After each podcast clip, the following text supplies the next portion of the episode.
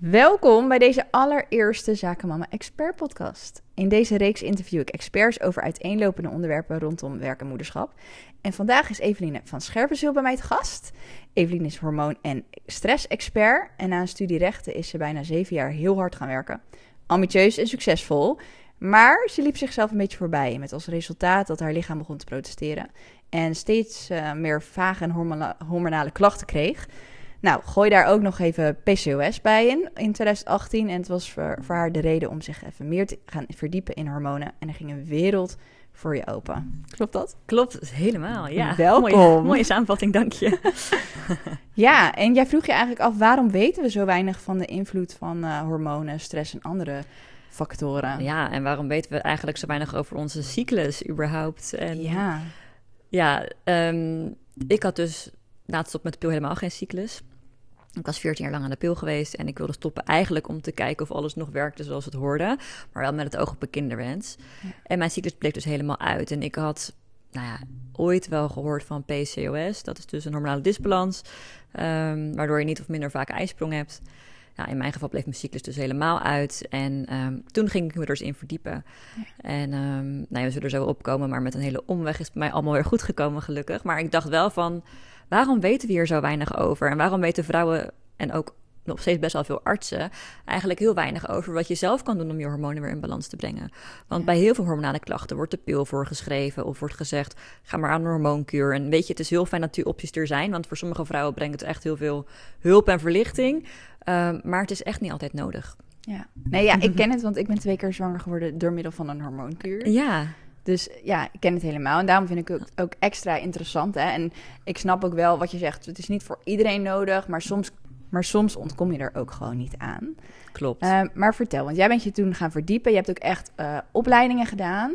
Uiteindelijk wel. Ja. ja ik, uh, bij mij bleef dus mijn cyclus helemaal uit. En aanvankelijk, dus ik ging googlen en ik dacht, nou, volgens mij heb ik gewoon PCOS. Want ik had alle symptomen. Ik had haaruitval, ik had een onrustige huid.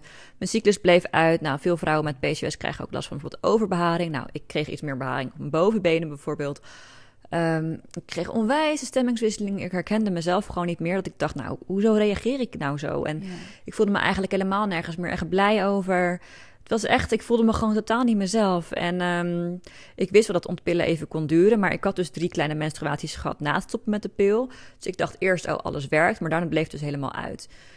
Dus, maar goed, de huisarts zei van, nou, je bent slank, weet je, je hebt geen haar in je gezicht, dus waarschijnlijk heb je geen PCOS. Want het stereotype beeld van vrouw met PCOS is een vrouw met overgewicht, met haar in haar gezicht, een beetje mannelijke vrouwen. Ja.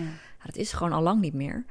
Um, maar veel, ja, niet veel artsen. Sommige artsen die, die, die, hebben dat stereotype beeld nog heel erg voor zich. Nou, uiteindelijk ben ik zes weken later weer teruggegaan. Van ik heb nog steeds geen cyclus. Ik wil naar de gynaecoloog. En daar werd een uh, inwendige echo gemaakt. En daar zagen ze dus uh, ja, eiblaasjes op je eierstokken. Dus ja. dat zijn eitjes die zich ophopen omdat ze dus niet gaan springen. Dan hopen ze zich op op je eierstokken. En dat is dus een symptoom van PCOS. Nou, toen zijn mijn vriend en ik doorverwezen naar het Erasmus MC. Uh, daar hebben we een onderzoek gehad. Dus ja, zijn vruchtbaarheid werd gemeten. Mijn vruchtbaarheid. Kreeg een bloedtest. En daar werd voor mij inderdaad PCOS nog een keer bevestigd. En dat was toen eind 2018. Ik was eind 2017 gestopt met de pil. En toen werd gezegd van, joh, je kan starten met een hormoonkuur. Maar op dat moment, ik had net promotie gemaakt. Ik zat in het marketingteam, eh, maar ik kon daar mijn draai niet in vinden. Ik vond marketing wel leuk, maar het team zelf was niet echt uh, matchend voor mij. En mijn vader overleed echt in diezelfde periode.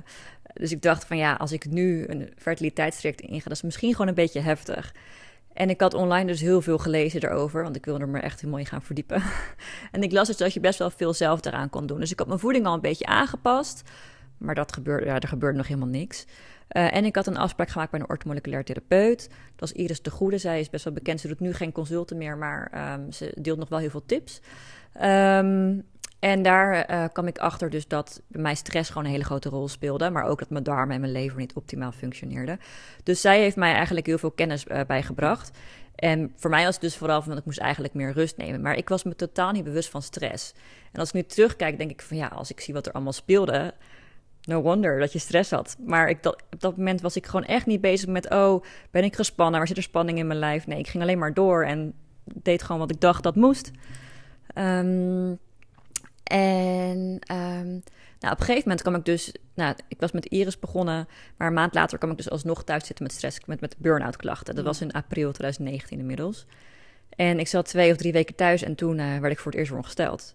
Oh. Ja, en toen dacht ik, wow, oké, de stress is voor mij blijkbaar wel echt een issue. En um, het was echt niet meteen regelmatig, want het kost echt gewoon tijd om je hormonen in balans te krijgen. Maar het werd steeds regelmatiger en een half jaar later begon ik met een nieuwe baan bij Coolblue. Um, en ik had die dag dat ik begon met werken, daar had ik ongesteld moeten worden, werd ik niet. Dus ik dacht, oh ja, stress van mijn nieuwe baan, ik ben er gevoelig voor, oké, komt wel. Toen een maand later, toen sprak ik met Iris en her, een bloedtest die ik nog een keer had gedaan. En hm. daar komen mijn hormonen kwamen er allemaal goed uit. Dus ik dacht, hé, hoe kan dat nou? Als ik nog steeds niet ongesteld ben, mijn hormonen komen er goed uit. En toen dacht ik, hmm, eigenlijk doet mijn borst wel een beetje pijn. en toen bleek ik dus, dus al zwanger zijn al acht en een halve week. Oh, uh, dus het was uiteindelijk veel sneller gegaan dan verwacht. En ja, wel onwijs welkom natuurlijk. Maar toen ik eenmaal zwanger was, dacht ik: wow, ehm, ik vind het zo bijzonder hoe een lichaam eigenlijk kan herstellen.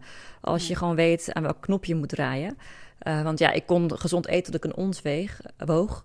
Maar dat had bij mij dus geen effect gemaakt. Omdat bij mij dus die stress de voornaamste trigger was. En dat moet je ook maar net weten. Maar toen was mijn interesse echt gewekt. Toen dacht ik, ja, dit moeten meer vrouwen weten. En ik ga me er verder in verdiepen. Ik denk dat dat echt een super waardevolle missie is die je hebt.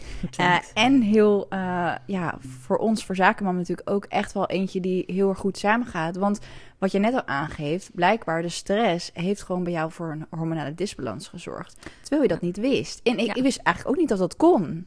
Nee, het, ik zie het nu ook echt heel veel. Want ik help dus in één op één trajecten vooral... Ja, ik richt me vooral op ambitieuze vrouwen. Dus ook zakenvrouwen vooral. Uh, maar ook ondernemers, maar ook ambitieuze vrouwen in het zakenleven.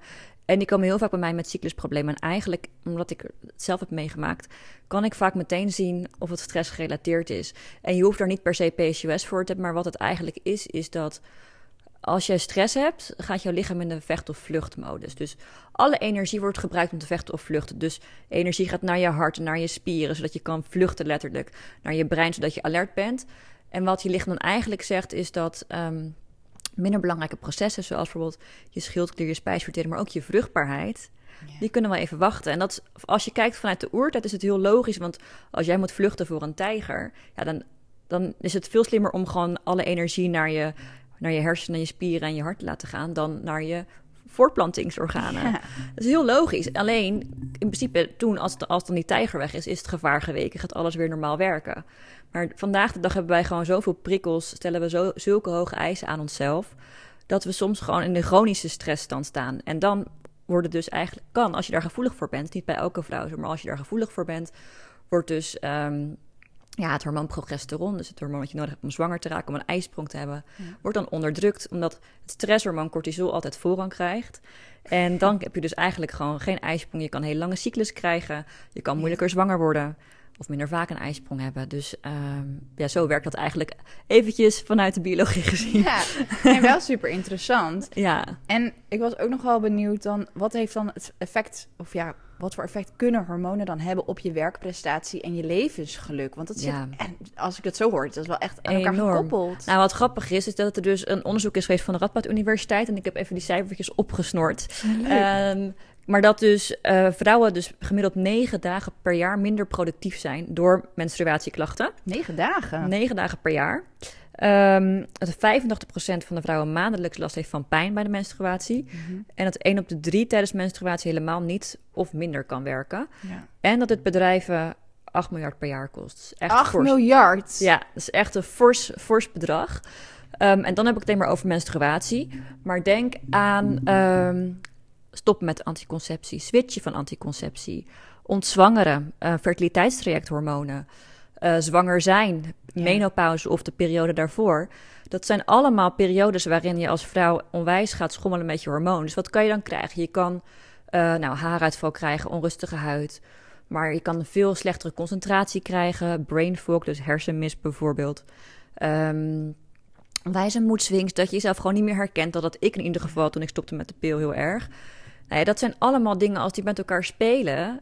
Ja, daar word je gewoon onzeker van, onrustig van. Als jij je heel slecht kan concentreren op je werk, wat doet dat met je productiviteit? Dus um, ja, dat soort dingen. En denk je van slaaptekort als jonge moeder. Dat zijn oh, ook pijnlijk herkenbaar. Ja. ja. Dus onwijs veel vrouwen zijn gewoon minder productief door hormonen, direct of indirect. Ja. ja. vanuit de community hadden we ook nog een paar vragen gekregen. En iemand stelde dus ook de vraag: kan vergeetachtigheid door je hormonen komen en krijg je dat dan weer terug? Ja, wat ik vaak zie, um, nou, je hebt bij zwangerschap bijvoorbeeld zwangerschapsdementie. En je hebt ook, ze noemen het ook wel de mom brain, als je eenmaal moeder bent, dat je dan ook vergeetachtigheid kan hebben. Ja. ja. wat ik vaak zie is dat het ook vaak gelinkt kan zijn aan een tekort aan omega-3. Okay. Dus wat ik dan zou aanraden, dan kan je bijvoorbeeld ook goed uit voeding halen, is bijvoorbeeld meer avocado eten, uh, ongebrande, ongezouten noten, maar ook vette wilde vis. Mm Let op wel op wilde vis, want dat, met MSC-keurmerk, dat is vaak uh, uh, beter van kwaliteit dan andere vis. Um, of gewoon een hele goede omega-3 suppleren, dat doe ik ook. En dat kan echt wel helpen om scherper te zijn. Um, hetzelfde kan gelden voor bijvoorbeeld B12. Bijvoorbeeld, Ik mhm. vraag ook altijd als vrouwen dit hebben van... joh, ben je vegetarisch of veganistisch? Ja. Omdat dat kan leiden tot een B12-tekort. En dat kan ook echt wel uh, ja, leiden tot um, vergeetachtigheid... Uh, geheugenproblemen moeten zoeken naar woorden. Dus die twee uh, kun je altijd proberen om aan te vullen... met goede supplementen. Of uit voeding natuurlijk. Um, maar als dat op zich op, op peil is... dan kan het vooral bijvoorbeeld komen door slaaptekort, stress... Dat zijn dan de dingen die vaak toch wel overblijven. En uh, ja, het beste is natuurlijk om de oorzaak aan te pakken. Ja, ik weet dus natuurlijk niet wat het is bij deze dame, maar nee, dat, zijn dingen die kunnen spelen. Niet, ja. ja, dat is wel een goede. Dus eigenlijk kan het ook aan meerdere dingen liggen. Ja, en het is natuurlijk lastig omdat je niet weet waar het aan ligt. Dus kijk, uh, slaaptekort heb je niet altijd invloed op als jonge moeder, helaas. helaas, was maar zo. Ja, was het maar zo feest. Uh, stress, ja, misschien enigszins. Maar ja, soms kan het er ook voor zorgen komen we zo vast nog wel op. Maar bepaalde hormonen kunnen er ook voor zorgen dat je minder goed met stress om kan gaan. Ja. Um, dus maar ja, tekorten kan je natuurlijk altijd uh, kijken of je die kan aanvullen en wat dat doet. Ja, ehm, precies. Um, maar ja, is, ja het, eigenlijk hangt alles met elkaar samen. Dus het is ook hormoongerelateerd, ja. maar ook tekorten. Dus ik kijk ook altijd naar het totaalplaatje. Want je kan wel iets gaan suppleren, maar dat pakt niet altijd de oorzaak aan. Het is echt vaak het totaalplaatje waar je naar moet kijken. Ja, oh, dat is wel super interessant. ik kreeg ook de vraag uh, van iemand, zij is net weer aan de slag naar de verlof en ze zegt ja, komt het door de hormonen dat ik me onzeker voel? En ik hoorde jij ja. dat net al zeggen. Ja, daar kan je echt angstig door voelen, onzeker, uh, omdat al die hormonen want zij is net met, met van ja, net geweest. van uh, verlof. Ja, je, je brein verandert ook gewoon naar het krijgen van een kind. Dat is ook gebleken uit onderzoek dat het brein van moeders gewoon verandert. Uh, ook qua hechting aan het kindje. Ja. En um, het kan echt zijn dat je door ja, wisseling van hormonen meer angst hebt. Ik heb ook wel laatst iemand geholpen die had een miskraam gehad. Die zei, oh, ik ben zo angstig sindsdien. En ja. niet per se om meer miskraam te krijgen, maar gewoon in het algemeen. Uh, ja, dat, kan, e-, dat is echt even de hormonen die weer een weg moeten vinden. Oh, bizar hè? Ja. En wat kan je daar dan aan doen? Hoe kun je dat helpen? Um, nou, ze zeggen wel zo dat je darmen je tweede brein zijn. Misschien heb je dat wel eens oh. gehoord. Dus er is een hele sterke verbinding tussen de darmen en het brein. Dus je wil eigenlijk ook uh, je darmen gewoon goed op orde hebben. Dus als je ook heel veel last hebt van darmklachten, dus bijvoorbeeld um, obstipatie, opzette buik, diarree, winderigheid, dat soort klachten komen echt heel erg veel voor overigens. Um, ja, dan kan het gewoon heel belangrijk zijn, heel erg helpen om je darmen ook te versterken. Dus met voeding, um, ja, meer groente eten, minder suiker, minder alcohol. Uh, het klinkt misschien als allemaal open deuren, maar dat soort dingen kunnen wel echt helpen om, uh, om je darmen te ondersteunen. Um, ja, je kan ook altijd een ontlastingsonderzoek laten doen om te kijken of er echt veel uit balans is. Want ik heb ook heel vaak vrouwen met bijvoorbeeld eh, schimmels of parasieten. Of dat klinkt heel heftig. Maar uh, ja, dat kan gewoon echt. Als je darmen uit balans zijn, dan kan je dat echt terugmerken in je brein. In uh, depressieve klachten, in angsten. Dus het is altijd fijn om die darmen gewoon goed te ondersteunen. Het is echt 80% van je weerstand zit in je darmen. Dus het is Bizar. onwijs belangrijk. Ja. ja, en het, ja, ik vind het gewoon heel fascinerend dat dus je darmen en je voeding, dat dat dus ook weer heel erg effect heeft op je hormonen. Die twee had ik niet heel erg aan elkaar gelinkt. Ja, net zoals die goede vetten. Die zijn heel belangrijk omdat je hormonen ook worden aangemaakt vanuit die goede vetten. Dus die omega-3 waar ik het net over had. Ja. Die weer samen kunnen hangen met uh, ja, het brein en um, vergeetachtigheid bijvoorbeeld. Dus neurotransmitters, dat zijn de stofjes in onze hersenen die ons gedrag aansturen. Ja. En sommige daarvan worden aangemaakt in onze darmen. Dus alles hangt met elkaar samen. Dus je wil echt die darmen ook sterk hebben. Uh, ja, het is echt bijzonder. Ik kan er uren over praten. nee, heel graag. Nee, ja. Ik vind het super interessant dat het inderdaad aan elkaar ja, gelinkt is. En hoe herken je het dan dat je hormonen uit balans zijn? Waar, ja. Ja, en dat is op zich voor iedere vrouw anders. Kijk, als je geen uh, hormonale anticonceptie gebruikt, dan kan je het dus merken als eerst aan je cyclus. Ja. Je kan bijvoorbeeld merken dat je PMS hebt, dus de dagen voordat je ongesteld moet worden, dat je echt heel zagrijnig bent, dat de wereld gewoon een stuk zwarter is. Maar dat hoort er dus eigenlijk niet bij. Nee. Grappig, nee, hè? heel vaak voor. Ja. Heel vaak voor. Maar dat is ook eigenlijk een teken van een disbalans in je hormonen. Ja. Interesting, want we doen met z'n allen alsof dat, het, alsof dat erbij hoort. Ja, dat denk ja, oh, ik heb PMS, ja, dat hoort erbij. Maar eigenlijk is het een teken dat jouw lever oestrogeen niet goed kan afbreken. Heel technisch. Ehm, maar dat een bepaald hormoon niet goed afgebroken kan worden. En daardoor kun je dus die klachten krijgen voordat je ongesteld wordt. Ja. Ehm, dus PMS kun je het aanmerken. Ja, je kan merken dat je cyclus uh, lang wordt of onregelmatig of misschien uitblijft. Uh, ook hele heftige menstruaties, pijnlijke menstruaties, ook niet normaal. We hebben ook veel vrouwen last van, maar ook dat is niet normaal. Dus daar kan je het ook aan merken. Uh, maar verder, ja. Voor zo'n lange cyclus, of nee, voor zo'n heftige menstruatie word je vaak ook op de pil, aan de pil gezet, hè? Ja, en weet je, kijk, de pil of bijvoorbeeld een hormoonspiraaltje, dat zijn wel mogelijkheden die bij klachten zoals, nou ja, dan noem ik even, uh, hele pijnlijke mensen of hevige menstruaties, natuurlijk heel hele heftige menstruaties kunnen helpen, omdat het het bloeden vaak intensiteit van het bloeden vermindert. Ja. Maar ook bij hormonale problemen zoals, uh, of hormonale problemen, ja, problemen zoals endometriose, dan heb je eigenlijk verklevingen rondom je uh, baarmoeder en mogelijk nog andere plekken. Dat kan zorgen voor ontzettend veel menstruatiepijn. Ja is ook niet normaal. En één op de tien vrouwen heeft het en er is nog zo weinig over bekend. Dus daar probeer ik ook echt altijd uh, aandacht aan te besteden. Ook in mijn social media posts regelmatig van... Laat je echt checken op endometriose, want ja, dat komt maar... heel vaak voor. En heb je echt pijnlijke menstruatie dat je niet kan functioneren, dat je gewoon pijnstillers nodig hebt, laat je checken. En dan het liefst door een ziekenhuis wat daarin gespecialiseerd is. Want er, lang niet ieder ziekenhuis heeft dat. Maar bijvoorbeeld het Bronovo in Den Haag, dan de afdeling endometriose en balans, die kunnen dat heel snel uh, diagnosticeren. En dan weet je dat en dan kan er ook iets ja, dan kan er iets aan gedaan worden. Want als je er op tijd bij bent, dat heeft ook gewoon minder uh, gevolgen voor bijvoorbeeld je vruchtbaarheid. Ja, want endometriose is, is best wel een serieuze aandoening, ja, hè? Zeker. Het kan ook erfelijk zijn. Dat, hoeft niet, ja, dat is niet 100% bewezen, maar het kan wel. En het is eigenlijk het is hormoongevoelig weefsel. Dus op het moment dat jouw hormonen veranderen, nou als vrouw, ja. elke week, uh, ja, dan kan er dus ja, ontstekingsweefsel ontstaan. Bijvoorbeeld rondom je baarmoeder, maar ook rondom je darmen. Dus het kan op een gegeven moment overal in je lijf gaan zitten. En het kan zorgen voor onwijs veel pijn. Wow. Het is echt wel heftig. Ja. Um, dus daaraan kun je, dat zijn allemaal tekenen van hormonale disbalans. Maar denk ook aan, nou inderdaad, dat je een heel kort lontje hebt. Dat je denkt van, soms voelt het gewoon alsof, er, alsof je door iets groters wordt overgenomen dan jezelf. Waardoor je ineens heel erg fel uit de hoek kan komen. Of dat je denkt, hé, waarom ben ik nou zo emotioneel? Waarom reageer ik nou zo? Dat zijn natuurlijk ook hele duidelijke hormonale, um, ja, die aan hormonen gerelateerd kunnen zijn. Um, dus dat zijn dingen waar ik bijvoorbeeld aan kan merken. Ja. Of bijvoorbeeld haaruitval, puistjes. Dat zijn ook vaak wel hormoongerelateerde klachten. Ja, grappig. Haaruitval inderdaad. Ja, puistjes, die, die weten we vanuit de puberteit inderdaad. Oké, dat is hormonen. Maar de haaruitval, ja, interessant. Ja. Het is dus echt een teken, een soort cry-out van je lichaam die zegt joejoe. Ja, ja, en haaruitval is ook heel vaak stressgerelateerd. Maar ja, wat we net al bespraken, stress heeft ook gewoon een wijze van invloed op je hormoonbalans. Ja. Dus ja, hier ook weer zoveel hangt met elkaar samen. Ja, super interessant. Um, ik ga heel even naar de vragen. Mm we hadden nog een aantal vragen. Um, ja, wat, wat, kun je daar doen? Hebben we het net al een beetje over gehad. Maar als alles eenmaal weer op, in balans is, mm kun je dan gewoon weer alles doen? Of moet je het op peil blijven houden? Nou, ik kan ook vanuit mijn eigen ervaring spreken natuurlijk. Uh, na mijn eerste bevalling werd mijn cyclus alweer vrij snel regelmatig. En die bleef ook regelmatig. Maar ik weet natuurlijk ook waar ik op moet letten, dat stress mijn trigger is. Ja. Um, en met de tweede werd ik daardoor ook wel vrij snel, uh, kon ik, raakte ik ook vrij snel zwanger, wat heel fijn is. Maar ik merk wel, als ik um, heel veel stress heb, ook even ongezonder eet, ja, dan merk ik gewoon dat bijvoorbeeld um, mijn cyclus wat later kan zijn.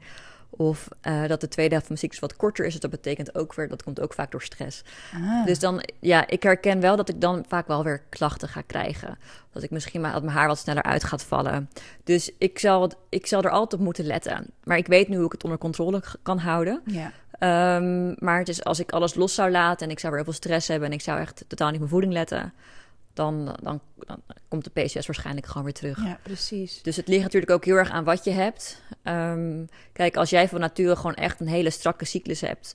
Um, en hij is misschien even uit balans na je zwangerschap... dan is de kans groot dat op een gegeven moment hij ook alweer terug in balans komt. Ja. Uh, omdat, je, omdat blijkbaar jouw hormonen gewoon niet jouw zwakke plek zijn... wat bij andere vrouwen misschien wel zo is, als je daar gevoelig voor bent. Dus het verschilt echt per vrouw... Um, maar bijvoorbeeld in het geval van mij, van PCOS, wat veel vrouwen die PCOS hebben, zal je vaak toch altijd wel ja, op je triggers moeten letten om het in balans te houden. Precies. Ja. Hey, en kunnen mannen eigenlijk ook uh, hormonale disbalans hebben? Goeie vraag. Dan weet je wat het is met mannen? Ze hebben echt... Wij hebben natuurlijk een, maan, een maandritme. Ja. En mannen hebben echt meer dan 24 uur ritmes met testosteron. Dat wordt ja. aangemaakt, afgebroken.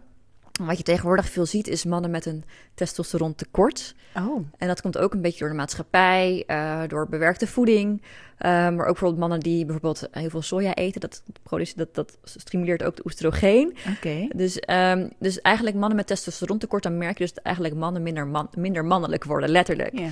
En als je kijkt, weet je wel, um, we zijn ook een beetje van onze natuur afkomen staan. Dus echt alleen maar de hele dag uh, op kantoor werken, daar naar huis. Uh, we sporten minder, we drinken meer bier, we, gamen meer. Als ik even vanuit een man, mannelijk perspectief kijk. Hè. Um, natuurlijk heb je ook genoeg mannelijke mannen die wel gewoon lekker naar de sportschool gaan en zo. Maar als ik het even heel gechargeerd zeg. Um, en die mannen kunnen bijvoorbeeld last krijgen van een hele schommende bloedsuikerspiegel. Nou, dat kan bij vrouwen dus ook PCOS leiden. Maar mannen die kunnen daar bijvoorbeeld uh, ook kaal door worden of een buikje krijgen. Uh, of misschien een beetje van die borstvorming krijgen. Ja, dat is eigenlijk mannen die dan hormonaal uit balans zijn. Dus, oh, interesting. Ja, het is misschien wat anders dan bij vrouwen, maar mannen kunnen ook wel zeker uh, klachten bijvoorbeeld van verlaagd testosteron. Ja. En zich daar ook niet helemaal lekker bij voelen. Ja. Nee, oh, interessant. hey, je had het al over, hè? wij hebben een maandelijks ritme. Ja. Uh, kunnen we daar iets mee in ons werk? Ja. Dus kunnen we, kunnen we werken volgens onze cyclus? Ja, je kan zeker dingen doen uh, om je cyclus te ondersteunen. En kijk, ik weet ook dat het niet in iedere functie mogelijk is. Ja. Uh, kijk, soms heb je gewoon uh, een, een, bepaalde presentatie en ik kan je niet zeggen van nou, ik plan hem even rondom een ijsprong, want dan kom ik lekker uit mijn woorden. Ja. Het zou mooi zijn als het kan. Dus als het kan, probeer dat zeker. Want op het moment dat je ongesteld bent, dan kom je vaak gewoon wat minder goed uit je woorden. Ja. Uh, en ben je soms wat vergeetachtiger. Dus dan is het gewoon lekker als je hem kan plannen rondom je ijsprong. Want dan ben je zelfverzekerd en dan uh, kom je heel goed uit je woorden. En dat is echt perfect moment voor sollicitatiegesprekken, netwerkevents, um, oh, presentaties, dat soort dingen. Moet je wel echt goed je cyclus kennen trouwens. Ja, dus je moet weten wanneer is mijn ijsprong. En vaak herken je dat ook omdat je dan... Weet je, je libido is hoger, je voelt je zelfverzekerd, je hebt meer energie. Dus dat zijn wel dingetjes waar je het aan kan herkennen. Ja. Uh, aan je afscheiding kan je het ook herkennen trouwens. Dus dat zijn wel trucjes om dat een beetje in de gaten te houden voor jezelf. Uh, maar wat wel goed is om te weten, is als je dus ongesteld bent. Menstrueren kost ons lijf gewoon onwijs veel energie. Dus misschien ja. merk je als je ongesteld bent dat je veel meer trek hebt. Nou, dat klopt, want je lichaam heeft veel meer nodig. Dus je kan soms wel als je ongesteld bent tot 250 calorieën per dag meer eten. Zo. Dan wanneer je overleert. Je lichaam heeft het gewoon echt nodig. Nou, je merkt waarschijnlijk ook dat je wat vermoeider bent als je ongesteld bent. Dus mocht je het een beetje zo kunnen plannen, dan zou ik zeggen probeer de week dat je ongesteld bent, ja, niet te hard door te werken. Weet je, probeer Ja. wel echt de avonden voor jezelf te nemen. Probeer genoeg rustmomenten te pakken. eh, waar je misschien normaal wel een avondje op kantoor zou doorwerken. Doe het nu dan even niet. En bewaar die voor later in je cyclus bijvoorbeeld. Ja, Dus dat zijn wel dingen die ik, eh, die ik zou aanraden. Neem gewoon echt meer rust tijdens je menstruatie. top. Ja, En dan en de week voor je menstruatie. Dus je hebt dan de week van je menstruatie doe je wat rustiger aan. ja. De week van je, eh, van je ovulatie ga je lekker Kan je al die vol gas? prestaties. ja, kan je vol gas, ja. En daarna, want dan hebben we nog twee weken over. Ertussen. Ja, dus zeg maar na je, na je ijsprong, dan zul je merken dat je gegeven moment steeds minder energie... Dus hoe, hoe dichter bij je menstruatie je komt, hoe minder energie je krijgt. Dus ik, ik probeer altijd ook te zeggen van... joh, luister naar je lijf. En voor de ene vrouw is dat echt heel moeilijk. Maar Ja. het is eigenlijk niet meer dan even opmerken van... hey, ben ik moe? Ehm, hoe zit ik in mijn energie? En als je dus merkt dat je minder energie krijgt... waarschijnlijk ook al de week voor je menstruatie... dan raad ik aan als het kan om ook gewoon de in- intensiteit van dingen af te bouwen. Dus niet alleen van werk, maar ook van sporten. Dus ga niet even een marathon rennen als je ongesteld bent of moet worden. Doe het lekker tijdens je ovulatie. Ja. Ehm, Als je dat kan. kunt plannen, Als je dat kan plannen, inderdaad. Dus dat kan natuurlijk ook niet altijd. Maar ehm, ja, dus echt, het is echt heel erg op je energie letten. Dus net zoals Ja. na je menstruatie merk je dat je langzaam meer energie krijgt. En dan merk je van, oh, ik kan nu echt wel... Mijn sportprestaties zijn beter. eh, ik kan even wat langer door op werk. Dat soort dingen bijvoorbeeld. Ja. Dus dat is echt een kwestie van luisteren naar je lijf. En dat is best lastig als je het nooit hebt gedaan. Ik, als je Ja. mij drie jaar geleden had gevraagd of vier jaar geleden had ik gedacht... Huh, hoe dan? Ja.